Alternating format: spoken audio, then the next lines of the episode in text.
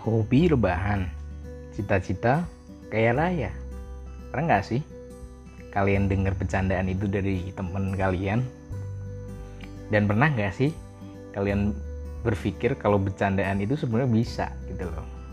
Nah coba kita bareng-bareng nih ya.